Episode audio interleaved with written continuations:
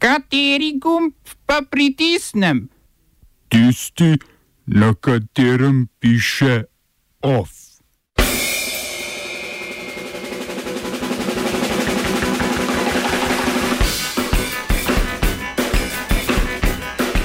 Odstop belgijskega predsednika vlade. Italija in Evropska komisija dosegli dogovor o proračunu. Državna volilna komisija Bosne in Hercegovine reinterpretirala volilni zakon. Amnestija zadev udeležencev v lanskem nasilnem udoru v makedonski parlament. V kulturnih novicah pa med drugim začetek novoletnega knjižnega sejma v Novi Gorici.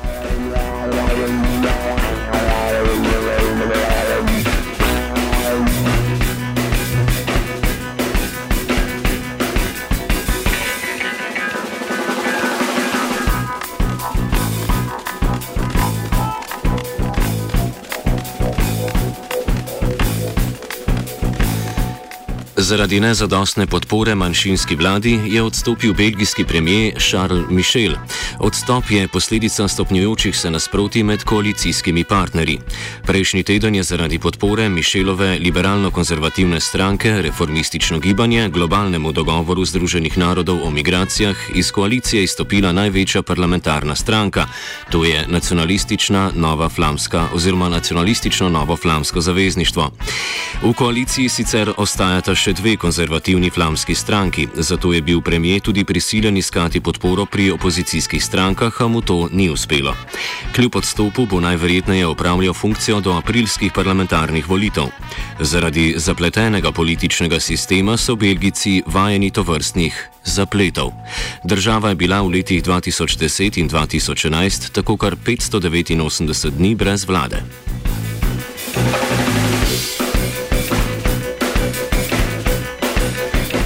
Združene države Amerike so v diplomatski noti Rusiji potrdile, da se umikajo iz sporazuma o jedrskih raketah srednjega dosega. Sporazum, ki je predvideval postopno uničenje jedrskih raket srednjega dosega, sta leta 1987 podpisala Ronald Reagan in Mihail Gorbačov. Na potrditev o umiku so se v Kremlju odzvali z izjavo namestnika ruskega zunanjega ministra Sergeja Rjabkova, ki je dejal, da Rusija ne predstavlja nikakršne grožnje, ima pa zmožnosti, da se odzove odzove na morebitno agresijo. Po mnenju Rjabkova razlog za umik tako niso odnosi z Rusijo, temveč težnja Združenih držav, da se osvobodi zavez iz dogovora. Posledično bi imele ZDA večjo svobodo pri krepitvi svojih jedrskih zmogljivosti v primerjavi z Iranom, Kitajsko in Severno Korejo. Rusija in ZDA so se v zadnjih letih sicer večkrat obtoževale enostranskih kršitev sporazuma.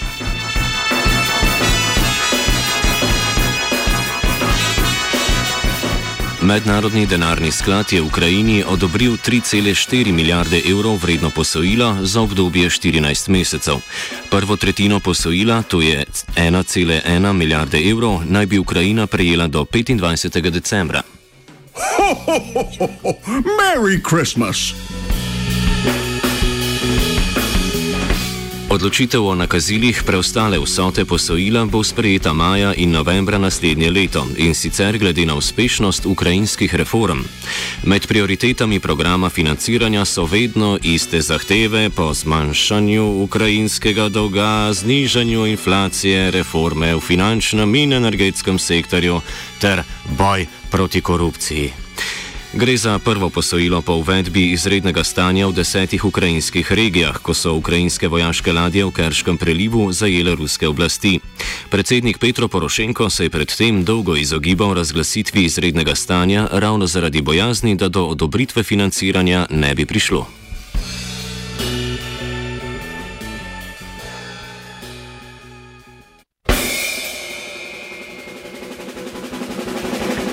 Italijanska vlada je z Evropsko komisijo dosegla dogovor glede državnega proračuna. Jedro spora, ki se je vlekel več mesecev, je bilo predvideno zvišanje primankljaja na 2,4 odstotka bruto domačega proizvoda za, za prihodnje leto. Italijanska vlada, ki jo sestavljata desničarska liga in gibanje petih zvest, je trdila, da želi s tem spodbuditi gospodarsko rast in izboljšati socialne razmere. Po dolgotrajnem nasprotovanju pritiskom iz Bruslja, ki je pripomogel k rekordni javni podpori vlade, vladi je sedaj vendarle prišlo do vsaj delne uklonitve. Proračunski primankljaj bi naj tako znašal 2,04 odstotka BDP-ja.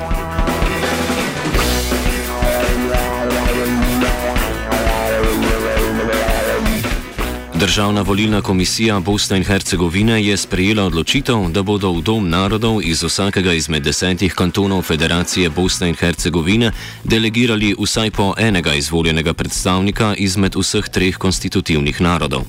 Kot podlago za delegiranje je komisija določila popis prebivalstva iz leta 2013 in ne tistega iz leta 1991, ki je bil v veljavi do sedaj. Tej spremembi deklarativno nasprotujejo vse večje stranke, nekatere so celo napovedale pritožbo na ustavno sodišče. Dom narodov federacije je zgornji dom tamkajšnjega parlamenta, ki potrjuje vlado in zakonske predloge spodnjega doma parlamenta oziroma predstavniškega doma. Podrobneje v offsajdu ob 17.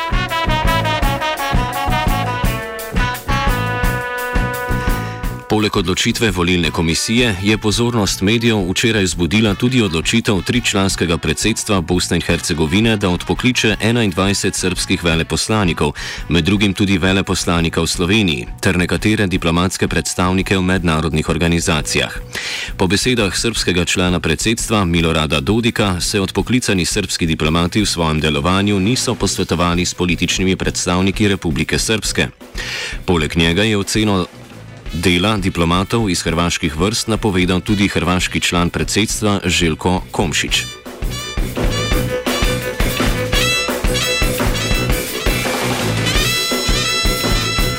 Makedonski parlament je sprejel zakon o amnestiji zadev udeležencev v nasilnem udaru v parlament lanskega aprila, s čimer bo toživstvo odstopilo od pregona obtoženih. Amnestija ne bo veljala za organizatorje udara in tiste, ki so bili pred sodiščem že spoznani za krive. Poslanci so o zakonu glasovali na predlog opozicijske VMRO DPMNE, katere podporniki so 27. aprila z udorom želeli preprečiti imenovanje zdajšnje vlade pod vodstvom Zorana Zajeva.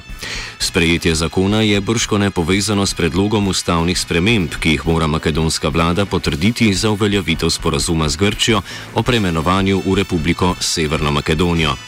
Za spremembo ustave je potrebna dvotretinska podpora poslancev v 120-članskem sobranju, te pa vlada ne more doseči brez VMRO DPMNE. Oba, če, če bom odgovoril na angliški. Uh, uh, Slovenija bo poskušala pomagati. Slovenija bo naredila naš utmost, da bo rekla, da je situacija naš problem, naš sebe. In mi bomo make further steps as soon as the conditions are uh, very, very serious. News from Slovenia. We know how and we will. Uh, Jadranki Soldat je z včerajšnjim dnem potekel mandat ustavne sodnice. Nadomestila je bo Katja Šugman Stabs, do nedavnega redna profesorica in predstojnica katedre za kazensko pravo na Ljubljanski pravni fakulteti. Poslanci so jo na predlog predsednika republike Boruta Pahorja na tajnem glasovanju v državnem zboru s 50 glasovi za in 31 proti potrdili 27. novembra.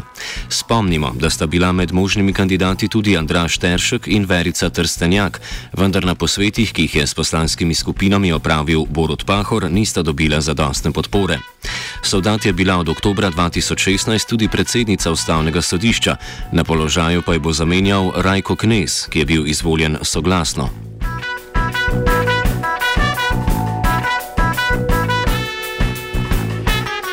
Nadzornik obnove Ptujske tržnice Drago Štrafela je bil zaradi goljufije pri energetski obnovi Mursko-Soboške bolnišnice obsojen na pogojno kazen štirih mesecev zapora s preizkusno dobo dveh let. Turbine za kogeneracijo, ki so jih ugradili v kotlovnico tamkajšnje bolnišnice, so bile namreč cenejše, kot je bilo izkazano v zahtevku za poplačilo, ki ga je prejelo Ministrstvo za zdravje. Štrafela je tako skupaj še z enim nadzornikom in direktorjem bolnišnice povzročil za 14 tisoč evrov škode. Ptujska županja Nuška Gajšek naj bi sedaj razmišljala o uvedbi super nadzora, ki bi pokazal, ali je do nepravilnosti prišlo tudi pri projektu obnove tržnice. Županja Ptuja Nuška Gajšek razloži, kakšne ukrepe bo Ptujska občina uporabila zaradi omenjenega nadzornika. Nobenih posledic. Mi bomo samo šli v obliko nadzora. Če bi se pa karkoli v tem nadzoru še izkazalo, pa bomo potem temu primerno ukrepali. Čist nič drugega ni to. Tu ni zdaj nobenega stanja izrednega pri nas na Ptuju. Ne? Ampak pač, ker se v javnosti, ne, se vemo, pač tržnica Ptujska je malo razpit primer, ne, zaradi cene, zaradi vseh kolobocij, ki so bile za drevesi potem in so pač, se vemo, javnost je malo bolj občutljiva.